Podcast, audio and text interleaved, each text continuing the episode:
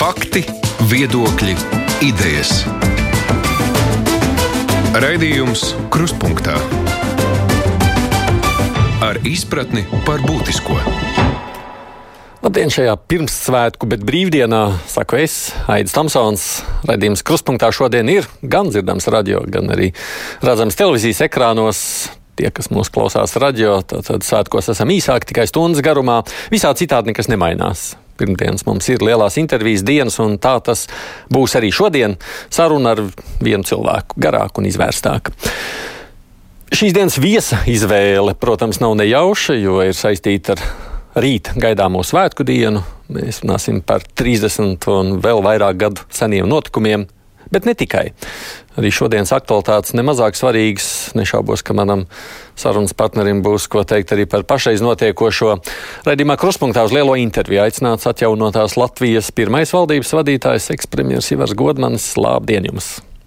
Sveiki, labdien!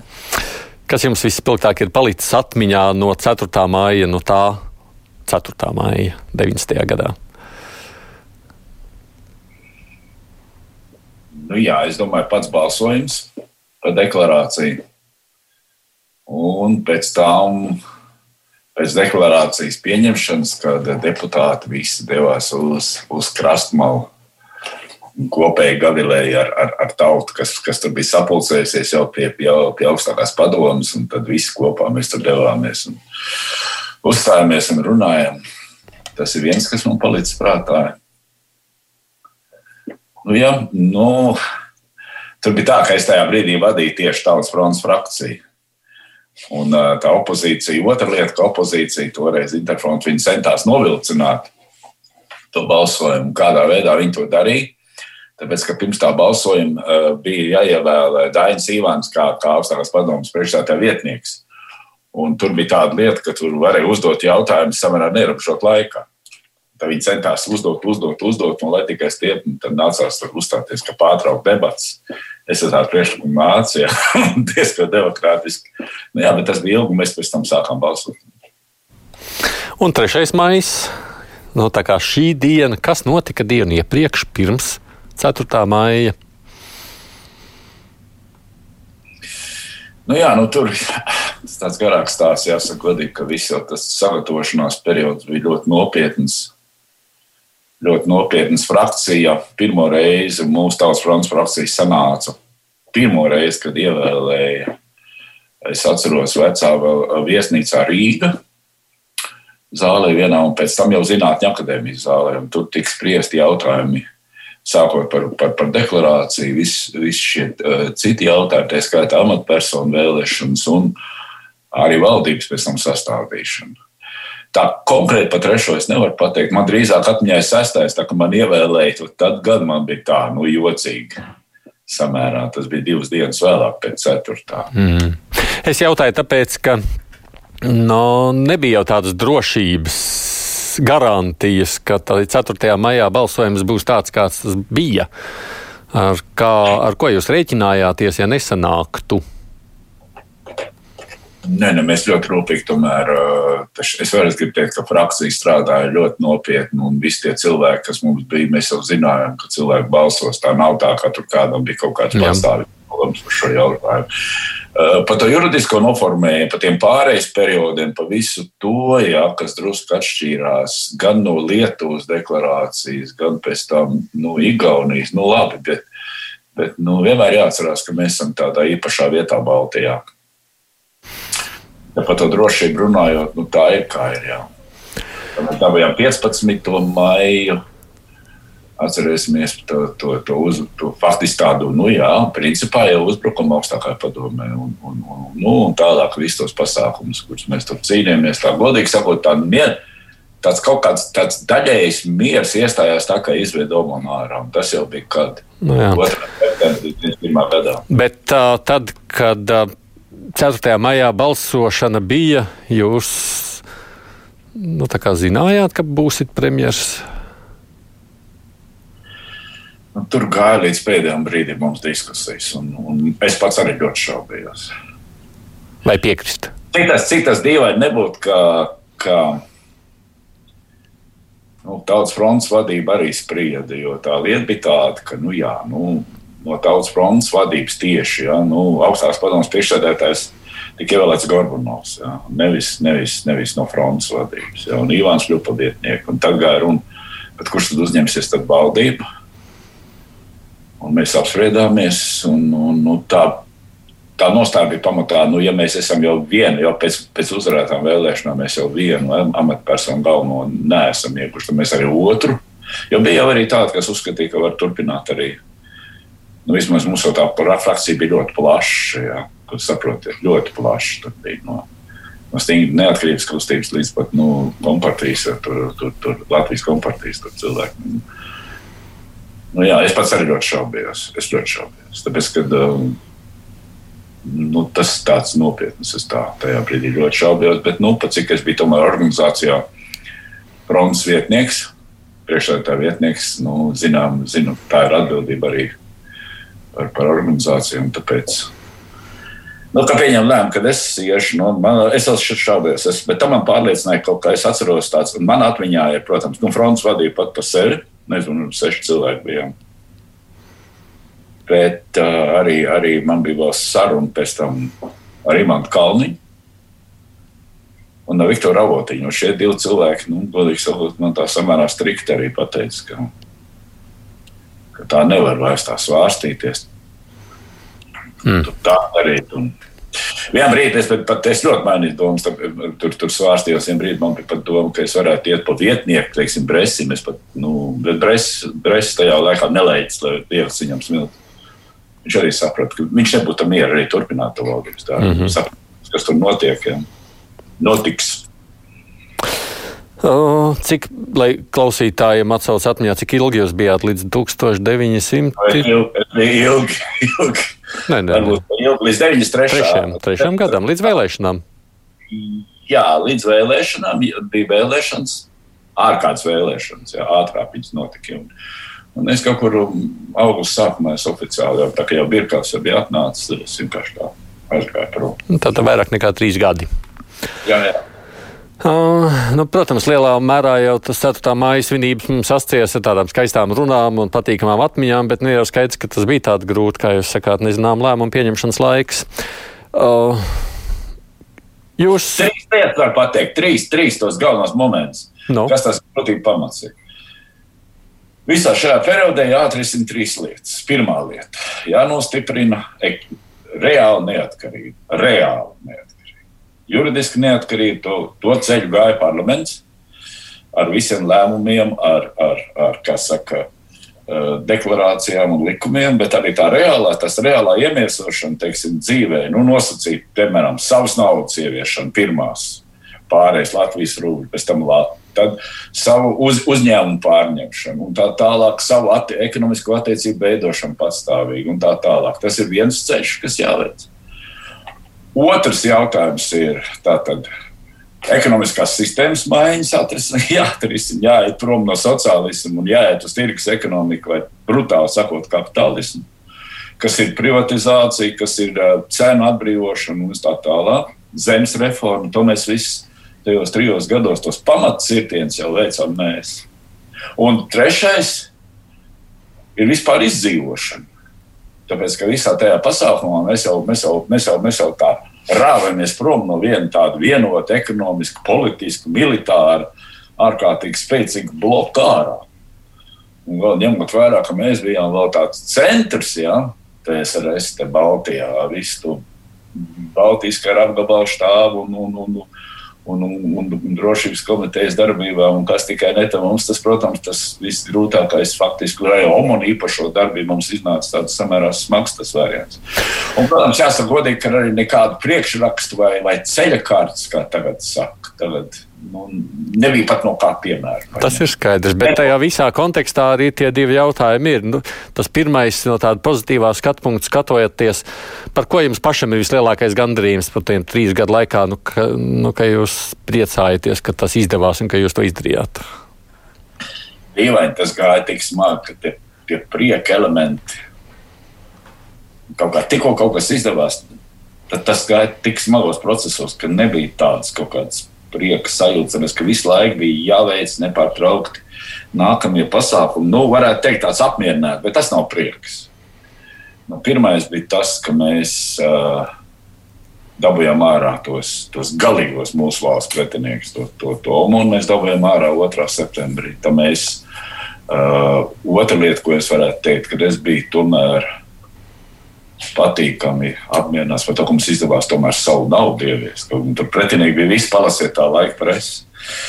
Tātad to trešais, es domāju, ka ka nu, tā sāka vairāk vai mazāk. Kā pie mums pārnāca rūpnīcas vadītāji. Tas bija dīvaini, jo es, man bija tāda situācija, ka es, es tomēr reizi mēnesī tikos ar, ar rūpnīcas vadītājiem, ar, ar, ar, ar tā saucamiem kolekcijas vadītājiem, vēl ar lauksaimniecības vadītājiem, kamēr viņi vēl bija, un ar pašvaldību vadītājiem. Un tā metode bija reizes mēnesī viņiem tikties arī pirms vēl tās reālās, pirms, pirms jau puķa. Ja? Un, un visu laiku mēģināt ar viņiem atrast kontaktu, jo nu, viņiem arī bija tā problēma. Mums bija visvienības rūpnīca, viņi pakļāvās patiešām Maskavai, un tad tajā brīdī nu, tā pārējai, ka tomēr notika, un tur kompartija strādāja pretī, tur potreki, un viss tur tie tur dzīvo pret taisību bloku pretī, it kā holding šeit. Un, un tas arī bija, ka tie cilvēki saprata, ka mēs tomēr, ka mums ka mēs iesim atsevišķi. Bet eh, tā metode bija tāda, ka mēs maksimāli centāmies ieklausīties un nākt viņiem pretī. Ja tur kaut kādas tādas metodas, tur komandēt, uzreiz ņemt kādu nost. Ne, tā sistēma neiet tā laikā.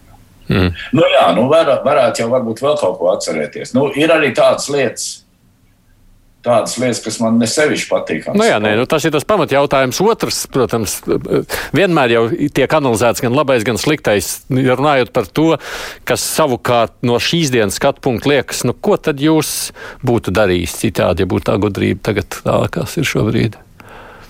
Es par to esmu vairāk reizes teicis. Es noteikti savādāk pārņemtu armijas īpašumus. Ja mēs nevarējām viņus pārņemt tādā, nu, Tā, tā, tā bija liela, liela, liela īpašuma, liepais osta, piemēram. Tā skaitā, piemēram, Daugavpils lidlauks un tā tālāk. Un tā tālāk. Ko tas dot, ja jūs citādi pārņemtu? Nē, nu, tur ir tāda viltīga lieta. Tas ir okupācijas vārds. Mēs ar viņiem nekādas darījumus kā valdības slēgt nevarējām. Kaut kā viņi prasīja ļoti konkrēti maksāt skaidru naudu. Te jums atstāja visām lustrām ostu, atstāja visu locitu lidauku, visu. Tie visi mm. bija uz lietām lietas. Nu, kā mēs to varam izdarīt? Mēs to izdarīt nevaram.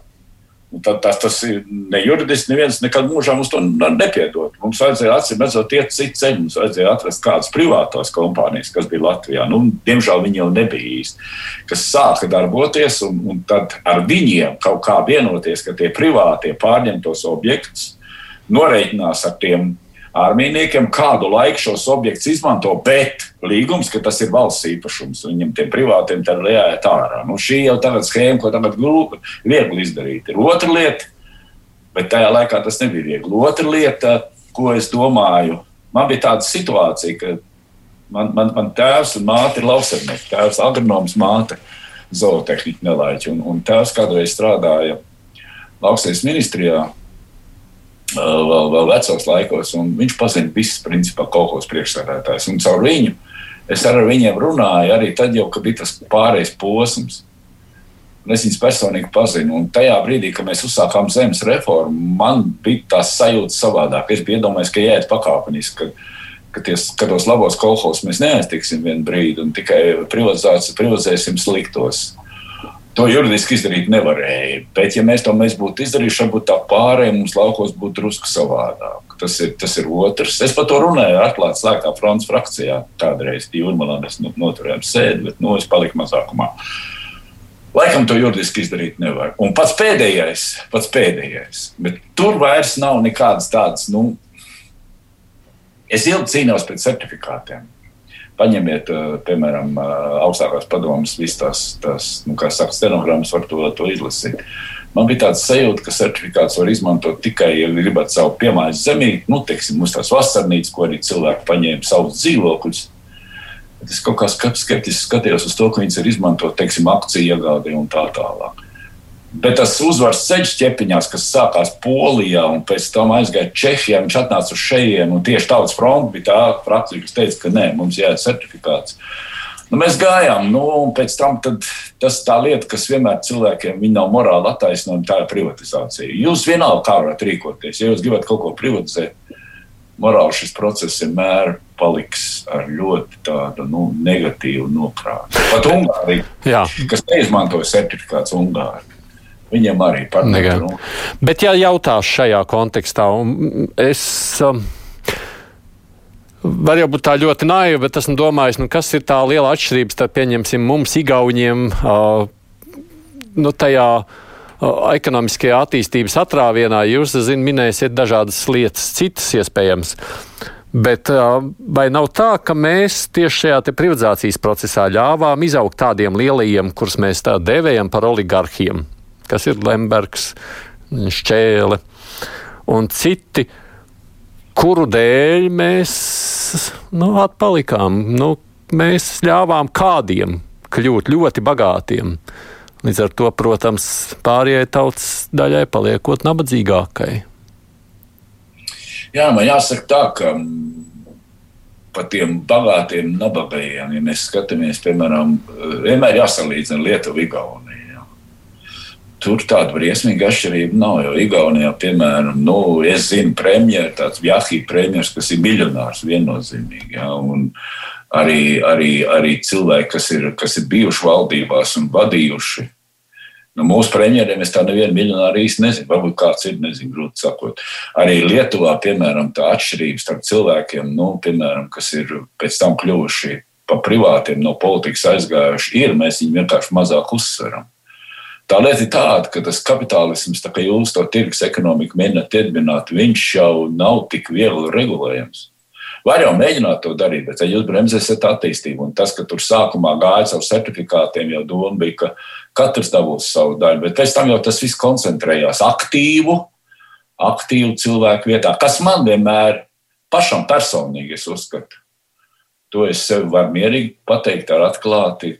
Tā lieta ir tā problēma, ka, ja tu esi bijis valdībā, Tas ir drusku savādāk. Tomēr. Un pēc tam tu kļūsi par, par, par ļoti lielu uzņēmēju, kas visu kontrolē. Tāpat, ja tu esi pašvaldības vadītājs.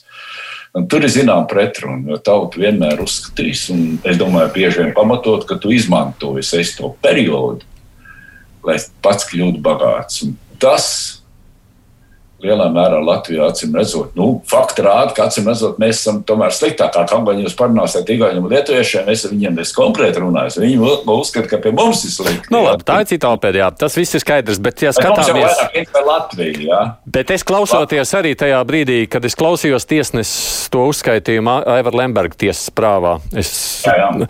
Tur, tur sēdi 5, 10, 15, 20 minūtes, klausies, klausies, klausies un domā, bāc. Bet, nu, kaut kur taču kādā brīdī tas viss sākās. Un tas sākās 90. gada sākumā. Jūs tur savu atbildību uh, mēģināt saredzēt? Nē, nu, jebkur jau atbildība jau, protams, kad ir. Vienīgi jautājums ir, nu, cik lielā mērā tā atbildība izpaužas. Jo viņi jau nu, pēctecīgi tās valdības mainās, visi tie procesi iet ne tikai viens, vairāk valdības ziņā. Nu, piemēram, ja pateikt tā, kad tad notika liela uzņēmuma privatizācija Vēnspilī. Ja? Nu, viņa stabili notika, kad es jau vairs nebiju. Tas gan jā. Tas ir jau, jau patiesībā sakot, tas ir gaļa laiks. Jā, jā. Tas ir gaļa laiks lielā mērā.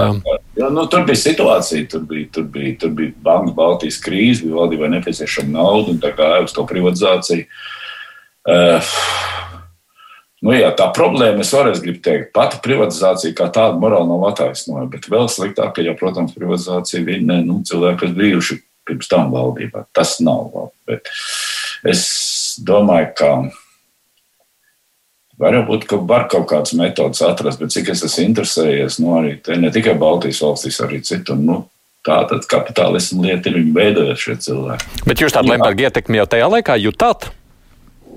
Nē, nu es aizgāju prom 93. gadā. Līdz tam nejūtāt, līdz tam 93. Nē, nē, nē, līdz tam viņš vadīja, vadīja. Toreiz vēl bija viena ilga laika pastāvēja Ventspils valsts uzņēmumi, ka mēs viņus pārņēmām gan pīles rūpnīcu, gan, gan naftas bāzi. Mēs, e, tajā laikā vēl viss bija tur tādā, nu, nebija vēl tas privatizācijas moments iestājies, un tā pašvaldība pašvaldība. Jā, tur viņi, viņi aktīvi ar tiem uzņēmumiem tur sadarbojās, bet tā, ka tur pašvaldība būtu jau būt tādā stadijā, ka viņi jau tur kontrolētu to visu caur kaut kādām īpašumtiesībām, tas, tas nāca tāds mans uzreiz. Par to pozitīvu. Nāca, Varbūt, ka vajadzēja uzlikt kaut kādas, jo tā kā Vēnspils naftu patiesībā akcijas sabiedrība, es atceros to vēl manu valdības lēmumu, kad es vienkārši pat neierakstīju uzvārdu, es rakstīju, ka finanšu ministrs būs padomus priekšsēdētājs un neviens cits. Jā. Ja padomus priekšsēdētājs finanšu ministrs, tad nu, tā, tāda īsta privatizācija nesanāk. Bet nu, labi, nu, tālāk gāja tie procesi un tā viņi aizgāja. Par to mazliet pozitīvo skatu vēl lūkojoties uz tiem laikiem, jūsuprāt, kuri tie cilvēki vai notikumi ir, kurus varbūt mēs esam par maz novērtējuši vai nenovērtējuši? Nu jā, varbūt tas izklausīsies nepārāk korekti. Bet es domāju, tie cilvēki, kas bija tieši pirmajās valdībās, pirmajā valdībā pie manis, nu, kas iznesa septiņu, man faktiski tādu divu valdību sastāvu līdz pučam un pēc puča. Strakākais jau bija tas sitiens, kas bija jāiznes pašā sākumā. Tā skaitā visas tās vissmagākās reformas, cenu atbrīvošana, zemes reformas uzsākšana, privatizācijas uzsākšana, at, īpašumu atgriešana, caur īpašumu atgriešanu, ekonomiskā izdzīvošana, visāda līguma slēgšana, tur ar Krievijas apgabaliem pat slēdzam, vai Leņņģerāda, Maskavā atsevišķi. Faktiski tie, kas toreiz nodrošināja, tā skaitā naudas ieviešanu, kas toreiz turēja budžetu, finanšu. Daudz no maniem ministriem, nu, mans valdības ministriem, tā varētu teikt, jau ir aizgājuši. Bet tā īsti man neizdevās. Es vairākas reizes esmu vērsies pie vairākiem prezidentiem, kas man apsolīja, ka tomēr nu, kaut kādu atzinību šie cilvēki iegūs. Šie cilvēki arī neiegūst neko. Es redzot, tas process tik smags ir. Kāds konkrēts vārds varat nosaukt? uzvārdu? Nē, nu, gan es visus savus ministrus nelaids, nelaids mans finanses ministrs Siliņš, teiksim, varētu nosaukt. Vai dieviņās ļoti daudz ministru. Mēs vienkārši pieļaujam, ka mums tie uzvārdi ir. Ministrs nelaids vāznes. Nē, nu, daudz ministru. Viņas jau tā ir tā lieta, ka, nu, es ceru, ka rakstīšu grāmatu, tad es noteikti viņus.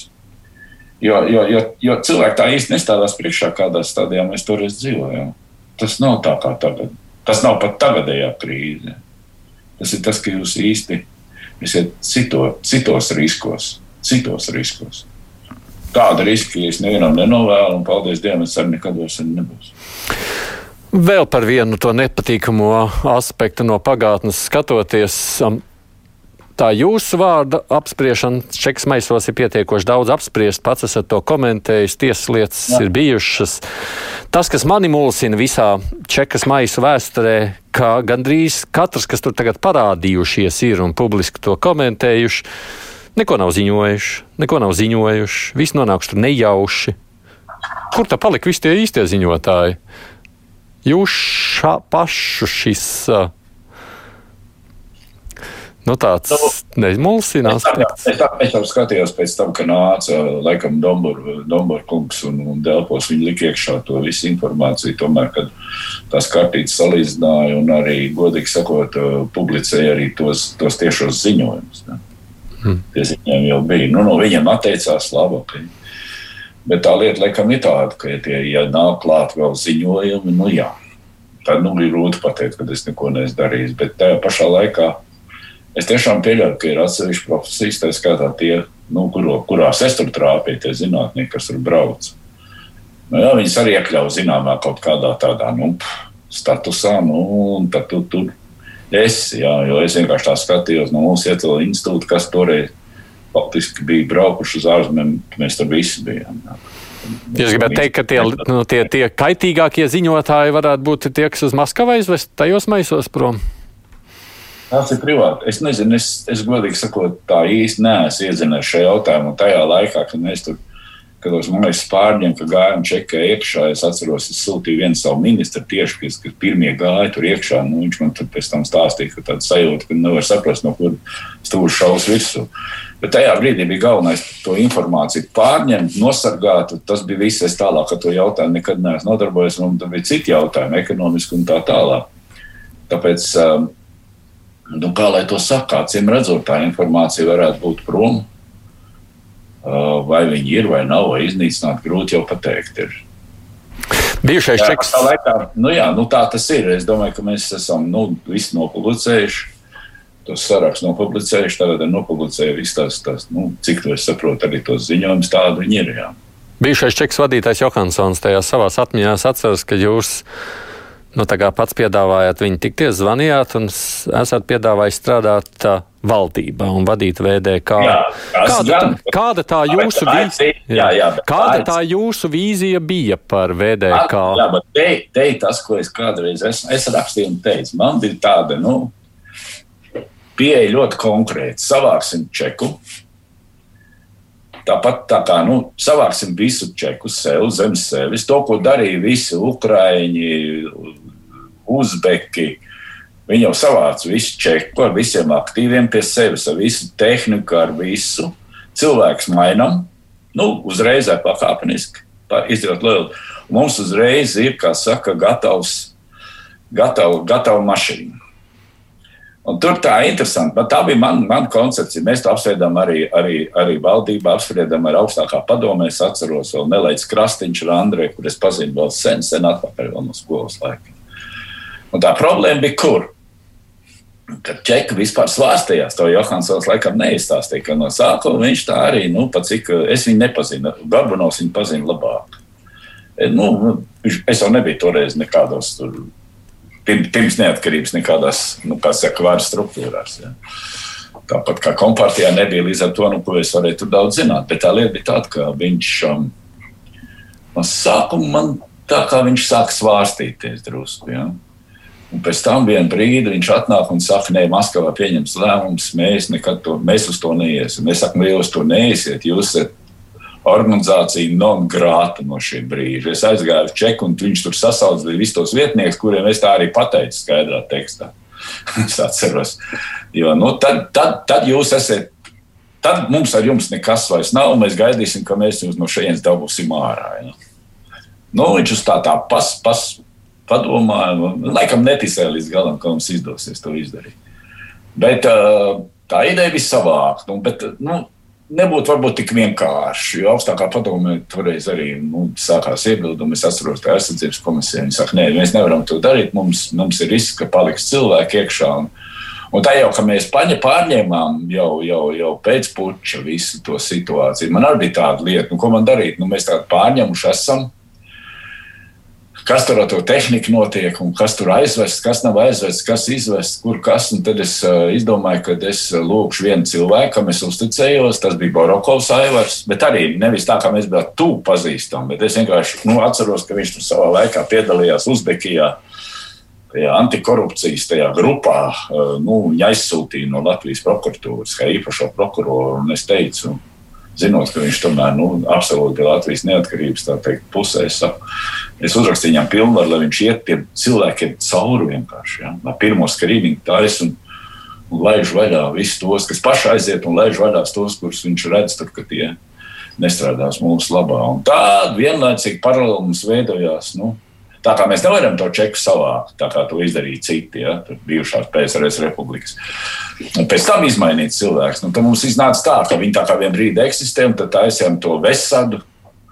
Un tad taisījām visas tās struktūras, no kurām tad izveidojās pēc tam vēlāk Rošijas policija un tā tālāk. Tā, tur bija tā ideja. Tāpēc es to gribēju izdarīt. Ja man baigi gribējās tomēr savākt arī visu to, kas viņiem tur bija, noklausīšanās iekārtas un tā tālāk. Baidos, ka mēs no tā dabūjām samērā minimāli, tāpat kā no tām armijas bāzēm.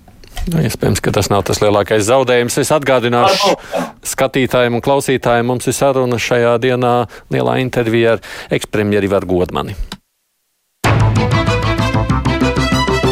Raidījums Krustpunktā. Palūkošos, ko ļaudis arī raksta, lai komentē. Mums Gunts saka, šāda tā armijas izvešana tomēr viņa prāt ir visfantastiskākais sasniegums. Paldies pašprātīgumam, paldies Amerikai par to. Nu, līdz galam jau armijas izvešana notika jau pēc jums, vai ne, Godmaņkungs? Jā, jā, bet, nu, viss tas ir. Gaļu, gaļu, man šeit ir gaļu laikā, jā. Mm -hmm. Par privatizāciju mēs parunājām. Lūdzu, pajautājiet, kā Godmanis vērtē Šlesera atgriešanos politikā. Varbūt arī Godmanim jāatgriežas politikā, prasa Roberts. Lai Šlesers pats atbild par sevi. E, nu, ko es varu pateikt viņam? Ja nu, ja nu kaut kas var būt grūti, tad šis var būt grūti. Kaut gan, nu jā, ja mēs skatāmies patreizējo politisko spektru, nu viņš nav tāds stabils nav tāds stabils. Var jau būt, ka tās partijas nav nostiprinājušās un kad var mēģināt kaut ko dabūt, bet nu, startēt no šīs starta situācijas. Nu, lai, es nezinu, kā, kā viņam tas izdosies. Viņš centīsies, acīm redzot. Jūs pats es, esat prom? Es, es, es noteikti vairāk neiešu, tāpēc, ka es uzskatu, es vispār man tas uzskats ir tāds, ka, ka tomēr ir katram savs laiks, un, un, un, un es skatos, ko tas, kas, tie, kas tagad vada valdību, tie, kas tagad ir saimā, viņi ir cita paudze. Tā vairs nav mana paudze. Viņi ir 20 gadu vidēji pa mani, mani jaunāki, nozīmē, nu, tā kā man nākamā paudze. Ja? Un es dažreiz domāju, tā, kad es esmu izvērtējis visus tos lēmumus un attieksmi. Jā, nu viņi tajās neatkarības laikā, 3, 2 gadu atpakaļ, viņiem bija, nu, labākā gadījumā 18 gadi, nu, varbūt, nu, varbūt pat no 16, nu, varētu teikt, no, nu, būsim tā, no kaut kādiem 10 līdz kaut kādiem nu, 16 gadiem. Tas nozīmē, ka tajā laikā viņi, viņi tā īsti to, to iepriekšējo sistēmu, es domāju, to sociālismu, visu to, kas mums tur bija ķepiņās, viņi tā īsti dzīvojuši nav apzināti. Nu, varbūt tā kā bērni. Un, un viņi ir tā kā cita paudze, citu ģenēzi. Nu, jā, nu, vajadzētu būt arī tiem lēmumiem. Ir jau arī tā lēmuma atšķirības, bet ir arī tādas atšķirības, kas man tādas. Nu, jocīgs drusku šķiet. Bet, nu, ziniet, katra, katra paudze atbild pat par sevi. Nu, reiz jau mēs esam iegājuši pie pašreizējās politikas, kā jūs, prāt, premjerministrs Kariņš tiek galā un kā valdība jūs, kā jūs vērtējat? Šī laikam viena no tām krīzēm, kad es neesmu valdībā. Laikam, es, es iepriekš tās visās esmu bijis. nu, jāsaka tā, Elli tā ir neapšaubām. Valdības jautājums sevišķi. Pie kam te ir tāda situācija? Es atceros, kā man bija 9. gadā Un tā bija drausmīga situācija. Bet arī Kariņam ir kas, viņam ir ļoti maz savas partijas atbalsta balss valdībā. Tas pats man bija 9. gadā, cik mēs jau nebijām. Tur, tur bija citi ar lielākām balsīm. Ja? Toreiz tautas partija un zemnieki tāpat arī šeit. Un tas, tas rada briesmīgu papildus slodzi viņam. Ja? Tas ir viens. Otrs, es nepazīstu, es, es zinu, es, protams, pazīstu tādā ziņā Kariņu kungu, bet es īsti nekad neesmu viņu kopā strādājis. Līdz ar to es nezinu, kāds ir viņa vadības stils. Sāk izskatīties, ka nu, tomēr tas, ka viņš ir dzīvojis ļoti ilgu laiku ārpus Latvijas un Amerikā un tādā citā, citās, citā vidē, ja? ka, tā, ka tā deleģēšana, atbildības deleģēšana un, un lēmumu pieņemšana uz vietām, ja? tas ir nevis pašam uzņemties teiksim, lielāka kaut kāda tāda atbildība un arī tāda nu, iedziļināšanos tos jautājumos. Sevišķi tur, kur ir izšķirīgi. Tas ir nospēlējis viņam pa sliktu ļoti. Es saprotu, cik grūti iet valdībā. Man, man, es neesmu no tiem, kas no rīta līdz vakaram teiks, ka tur viss tur slikti, tas slikti, tur slikti, tas slikti. Kaut gan tos ciparus es visu zinu.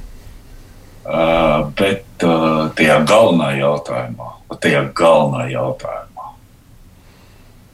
vakcīnu jautājumā, kas ir galvenais jautājums. Kad es to uzzināju, ka tas nav zem viņa kontrolas personīgi, es nekad mūžā nebūtu pieļāvis tādu situāciju, kad es nekontrolētu šo jautājumu.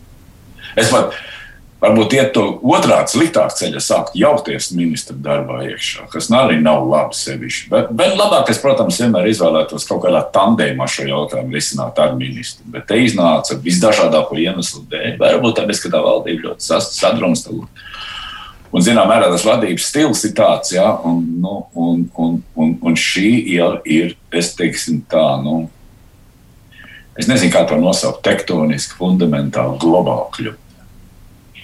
Un tā kļūda, viņa nav, viņa nav tādā veidā. Var, protams, teikt, un es skatos, kā attīstās tāda lieta, ka tas ir saistīts, ka ierēdniecība ir, ir, ir sliktāk palikusi. Iespējams, starp citu, iespējams. Varbūt, ka ierēdniecības, teiksim, cenšanās neko nepieņemt, no divu puses nepirkt neko dārgāk. Kā mēs paņemsim dārgāku vakcīnu, 7, 8 reizes dārgāk nekā šī, vēl nav apstiprināta, kāpēc to darīt. To visu var saprast.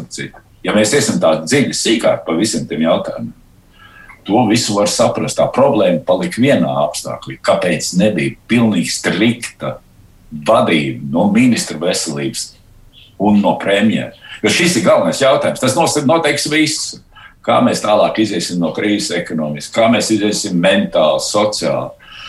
Labi, tas ir noticis. Līdz ar to faktiski nu jā, jādzīvo uz priekšu un jādomā, kā, kā rīkoties tagad konkrēti. Jā, un, un var redzēt, ka tomēr tā cīņa iet uz priekšu un mēģina maksimāli cilvēki. Nav tā, ka būtu. Es zinu, ka vienā otrā valstī paliek pār tās vakcīnas. Mums tas tā nav. Mums cilvēki tomēr, lai kā nebūtu arī kaut kāda un neskaidrības, ko mēģina attīstīt viens otrs. Bieži vien sliktos politiskos nolūkus, to redzēt skaidri, caurspīdīgi. Tomēr tie cilvēki saprot, ka tas ir tas ceļš, kā mēs tālāk varam dzīvot. Paši. Šī ziņā valdību vajadzētu atbalstīt. Tajā ziņā, ja viņi iet uz to, ka maksimāli censties visiem spēkiem. Nu, tas jau arī te nekāda ceļa karte nav. Tas arī tas pats ar krīzēm. Arī 9. gada krīze. Nu, nav jums ceļa kārtas, jums laiks ir ļoti maz. Nu, es domāju, ja mēs nokļūdītos, es tādu pateikšu par 9. gadu, ja mēs tur būtu vienu nedēļu novilcinājušies un nokļūdījušies, vienas pasakas skaidri, eiro mums te nebūtu, eirozonā mēs nebūtu mēs paliktu ar Latu, un tad sākās Krievijas konflikts ar Ukrajinu, sankcijas. Tāda, kas ar mūsu Latu notiktu, es godīgi sakot, nezinu. Tad mēs būtu pilnīgi citā ekonomiskā situācijā. Mēs nebūtu Eirozonā, mēs nebūtu daudzās, daudzās man, man tas ir dziļi pārliecīgi. Protams, ja tā dzīve nebūtu, nebūtu jo, jo mums viss nobruka, gan tranzīts, gan, gan kas attiecās uz Krieviju. Tas mums pietiekoši liela dara, gan arī tās finanšu lietas. Un, Un redziet, tas tā ir, nu, ko darīt. Nu, sakot, jūs teikt, ka mēs izlīdām tā kā caur radats aci, vai ne? Nē, es nevaru teikt, es to precīzi zinu. Zināt, jā, nu, to jau ne tikai jūs sakāt, protams. Sakot, savukārt, salīdzinot 8. gadu ar šo krīzi pēc 11, 12 gadiem, Nu, ar... Kur ir dziļāk? Kur ir dziļāk? Jā. Ja skatās starptautiski, ja, starptautiski, ja mēs skatāmies ekonomiski datus, kur nopietni, kur viņi parasti apkopo labākos ekonomistus. Tieksim, zīmē, protams, ka, ka ja skatās krituma ziņā, IKP krituma ziņā un nenoteiktības ziņā, šī krīze ir, ir, ir smagāka nekā tajā. Ja atcerēsimies, 9. gadā, vienu gadu laikā, atpakaļ jau bija pozitīvs pieaugums visām gandrīz valstīm. Mēs tur vienu gadu kavējamies. Ja. Bet, um, Tas, tas ir viens, un, un, uh, bet uh, tas ekonomiskais mehānisms, kur iedarbināja tagad, viņš bija iespējams tikai tāpēc, ka pēc 9. krīzes, sevišķi Eiropa, pieņēma veselu virkni pasākumu, tā skaitā Latvijā, lai būtu gatavi šādā veidā šo krīzi risināt ar dīkstāvus pabalstiem, ar, ar, ar, ar subsīdijām, darba vietām, algu fondiem, viss tas, ko jūs zināt, kas notiek Latvijā, Igaunijā, Lietuvā un ne tikai, kas notiek lielākā mērā Vācijā, Itālijā, Francijā, daudz lielākā mērā nekā pie mums. Bet, ja tas tā nebūtu izdarīts, tad situācija būtu sliktāka. Nu, Dievs, tad, tad... Jo no tāda kopējā sabiedrības viedokļa es pieļauju, ka nerunājot par atsevišķiem cilvēkiem vai atsevišķām nozarēm, bet tā no kopējā sabiedrības viedokļa lūkojoties, šķiet jau, ka mūsu dienās to krīzi mēs pārvaram krietni vieglāk nekā 2008. gadā, kad sabiedrība krietni vairāk to sajūta. Un tas iemesls ir tāpēc, ka mēs tam sagatavojāmies, vai tāpēc arī, ka mēs esam eiro. Nu... Jā, ne, es, es, es, es, varētu, es, es varētu teikt tā, nevelti Lietuva ir pirmā, kas saka, ka viņiem ir kā krīze. Ko nozīmē? Ir L krīze, tas nozīmē nokrīt, un V krīze. Tu krīt un uzreiz esi augšā V veidā. Tad ir L krīze, kas ir sliktais. Tu nokrīt, un tad tu tā stagnē pakāpeniski. Lietuva uzskata, pat cik viņi gandrīz nenokrita 20. gadā, 8,8%, jā, otrā pēc īrijas. Interesanti, es painteresējos, kāpēc, bet nu labi. Viņi uzskata, kā krīze nozīmē, kādam ir krīze, kādam nav. Un šis pasākums ir arī Latvijā jūtams, jo jūs varat ieraudzīt ražošanā, mums ir tās mm -hmm. lietas iet, nu, arī 20. gads pabeidzās ar plusu pakalpojumos, ar baigiem mīnusiem. Ir joms, kur dzīvo labāk nekā pirms. Jā, tas ir valdības, valdības uzdevums, ir, ir, ir diemžēl konsolidējošs. Nevar priecāties tikai par tiem, kam iet labi, un atbalstīt tos, kam visu laiku jārūpējas ar vienu ausu, kas notiek tiem, kam iet viss sliktāk. Tos jāvelk uz augšu. Tas, tas, tas nav vienkārši, un bieži vien tās ir pretimējošas lietas. Bet um, man jāsaka tā, ka te šai krīzē piemīt viens elements, kas nebija tajā krīzē. Un tajā krīzē bija kā? Nu, tas jau tā vienkārši notika. Tajā brīdī mēs bijām spiesti samazināt algas valsts sektorā un tā zvērīgi, pa 50%. Nevēl to tagad. Jo alternatīva bija ļoti vienkārši. Viss plīst, eiro nav caursveika. Dariet, kā jūs dariet. Un, un, un, Un privātie darīja ko? Viņa valsts nesamazināja. Privātie palaida ārā uz ielas cilvēkus, atbrīvoja. Tos, kas palika, tiem jau valka nesamazinās, tos atbrīvoja, un tiem cilvēkiem negribu palikt, viņi aizbrauc prom. Ļoti, ļoti, ļoti sāpīgs variants. Viņi aizbrauc prom, viņiem bija kur aizbraukt. Šī krīzē tāda situācija nav tik vienkārša. Tu nevari aizbraukt, tad, ja tu nonāc tajā negatīvajā pusē, nu, teiksim, pakalpojumu sektorā un tā tālāk. Un tā tālāk ja? Pie kam?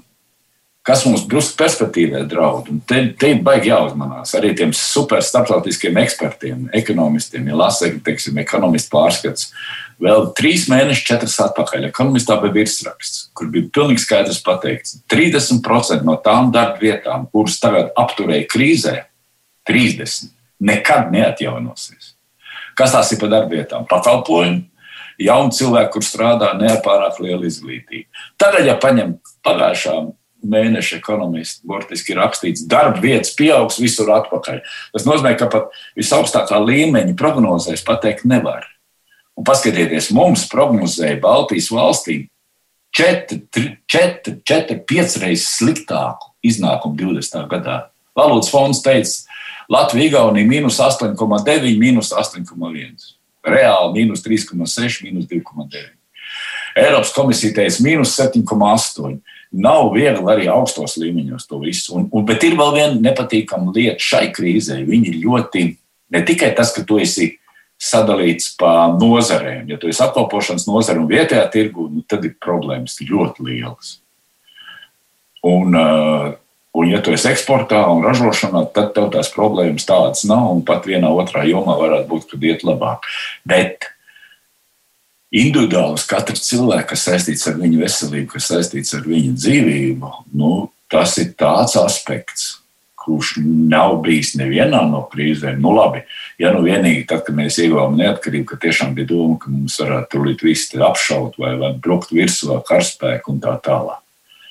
Tad bija tāda viņi bija tādi kolektīvi izjūta vairāk. Tagad ir katram cilvēkam, nu, tomēr. Tāpēc, tāpēc es domāju arī, kāpēc cilvēki tik aktīvi cenšas vakcinēties un darīties. Un, jo nu, nevar cilvēks arī, un tad ir tās mentālās lietas. Mums nav kur aizbraukt. Nav, nav neviena tāda vieta, kur jūs sagaidat. Tur arī ir problēma. Paskatieties, paskatieties Voldometer. Ja?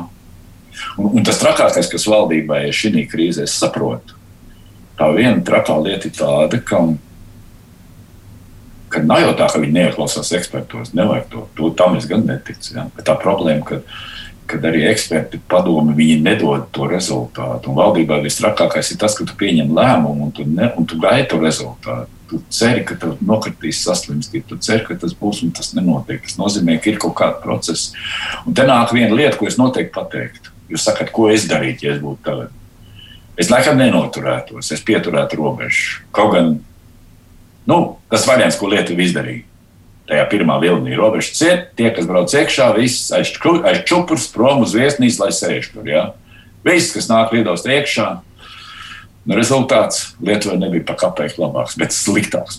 Mēs skatāmies pēc saslimšanas, tad šis variants, kas ir pirmais, kas prasās izolēt Latviju teiksim, no ārpuses. Jo Skaidrs, ekspertiem piekrīt, mums atveda, mums atveda. Mēs neģenerējam šeit šo, mums atveda no Lielbritānijas. Kāpēc? Tāpēc, ka mums daudz tur strādā, dzīvo, griež šeit atpakaļ.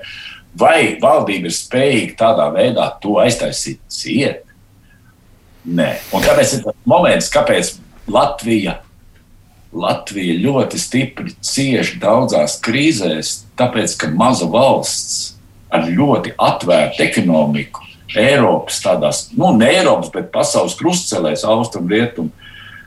Bet tu, tu nevari tu nevar sevi tā, nu, maigi izsakoties, izolēt un noturēt atsevišķi no pārējiem. Nu, Protams, jūs sakāt, jūs būtu premjerministrs, jūs izdarītu kļūdu un būtu tikai sliktāk. Apmēram tā.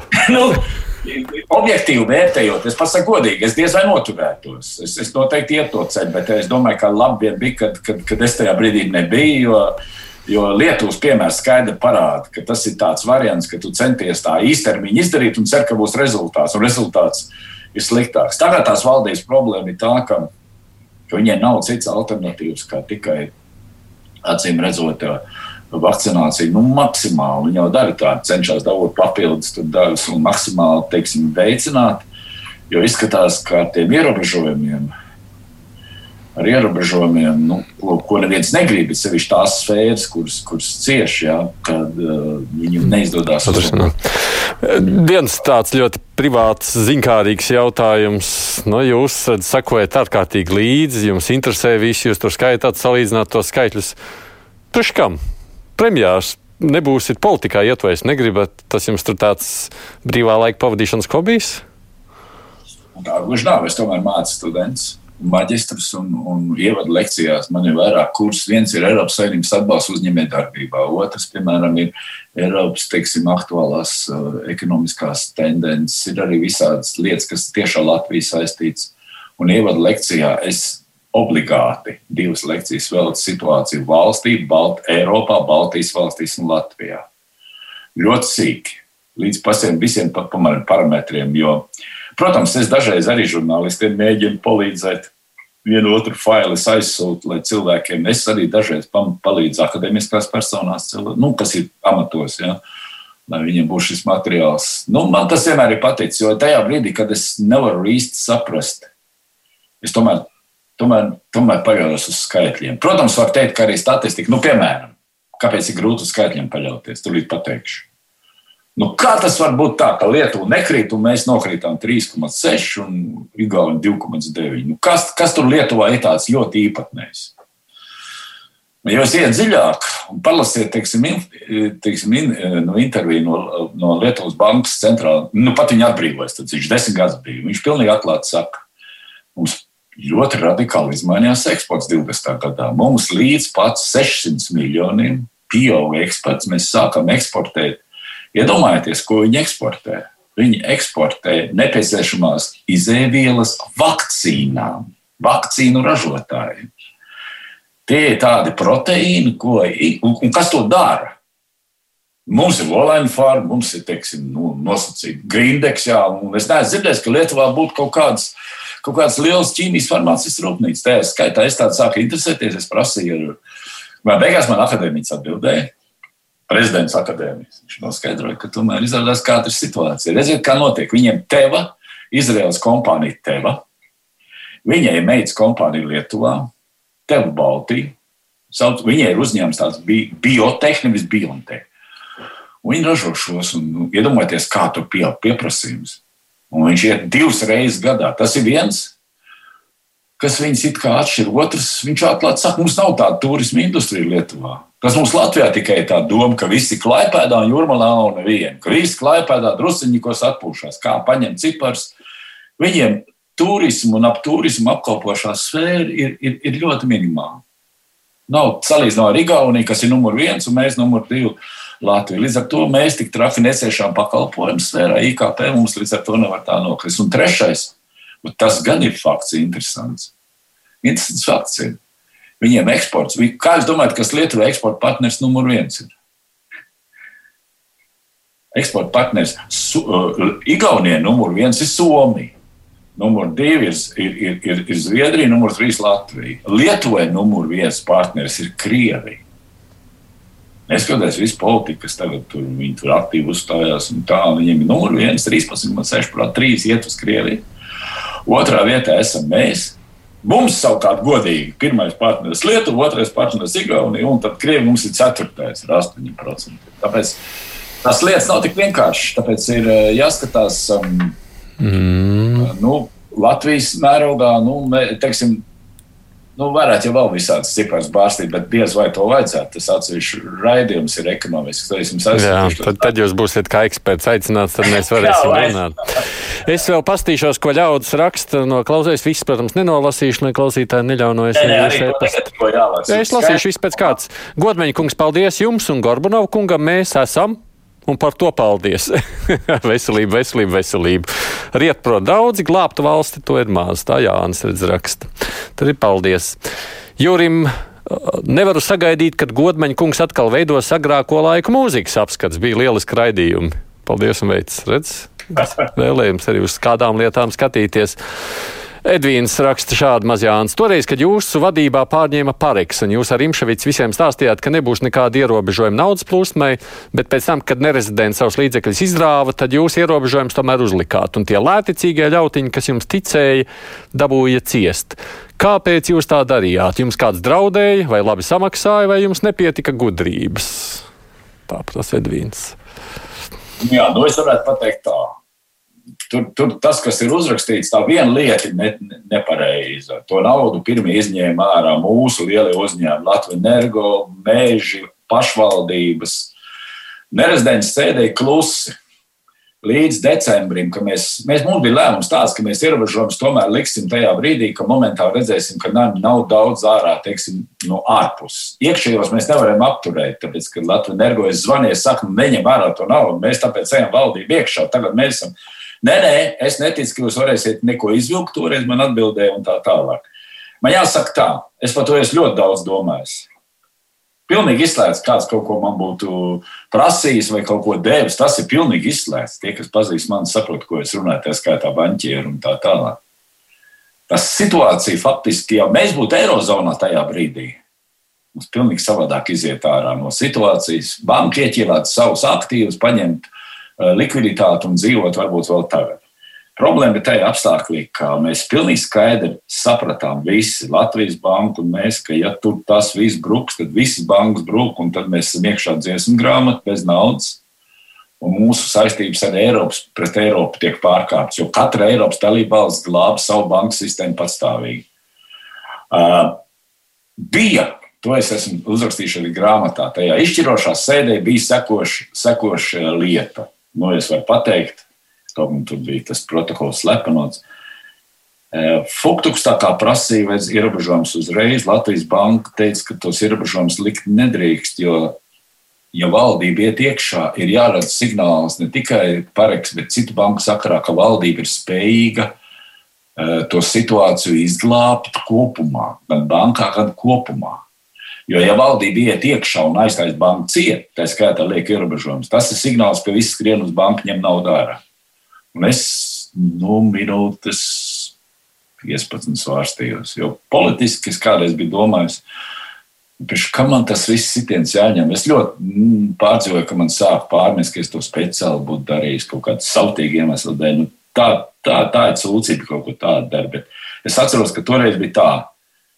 Es pieņem to vidas lēmumu. Ir skaidrs, ka šādas lēmumus jāpieņem bankai un valdībai kopā. Nevar būt tā, ka banka paliek ar savu pozīciju un valdība ar savu. Un tāpēc es gāju to ceļu labi. Mēs iesim iekšā, uzreiz ierobežojums nenoteiksim. Ierobežojums noteiksim, ja būs naudas izņemšana, un mēs 1. decembrī viņus arī noteicām. Tas ir faktiski nu, kaut kā 20 dienu laikā. Vai daudz man es esmu runājis ar, ar, ar, ar savu sievu un, un ar daudziem Tas ir tas, ir, tas, ir, tas, ir tas, tas moments, ko patīt atpakaļ un pateikt, kā būtu tad, ja mēs vispār ne, neko nedarītu, vai kā būtu. Nu, to var tikai parādīt tad, ja, ja tā vēsture aiziet otrā pusē. Mēs to izdarījām. Rezultāts bija sāpīgs. Es biju cerējis, ka mēs atgūsim vairāk naudas. Atgūsim vairāk naudas. Nu, nevarējām atgūt tik daudz naudas atpakaļ, cik vajadzēja no tās bankas acīm redzam. Bet, nu, Nu, ir tā, kā ir un kā būtu. Ja būtu. Esam dzīvi un eiro mums ir. Nu, jā. jā. Es jums saku paldies par sarunu. Tā nu sanāk, ka mēs pabeidzam ar tādu nepārāk priecīgu tematisku. Es es, es drīkstu izmantot šo brīdi un tomēr no visas sirds sveikt visus 4. maijā rītā gan visus tos, kas bija arī deputāti kas pieņēma lēmumu, bet ne tikai. Arī pašvaldību vadītāji, kas atbalstīja, arī visi cilvēki, kas toreiz tautas frontē bija, kas atbalstīja mūsu neatkarību un novēlēt viņiem visiem absolūti veselību, visu to labāko un atcerēties, lai kā mums ar neiet, lai cik mums grūti nebūtu, lai, lai, lai kādās krīzēs atcerēsimies, mums ir viena vērtība, viņa ļoti vērtība kas ir augstāk par visu mums ir savu valsts. Jā. Bet ļaujiet man arī to pašu novēlējumu noteikti izteikt jums, lai jums ir tomēr rītdiena arī svētku diena. Es saku paldies par sarunu ekspremjerim Ivaram Godmanim. Paldies. Rīt būs Egils Levičs šeit, kruspunktā studijā, tā kā valsts prezidentu rīt varat klausīties, bet producents mums ir Evi Junām un studijā bija es Aidis Tomsons.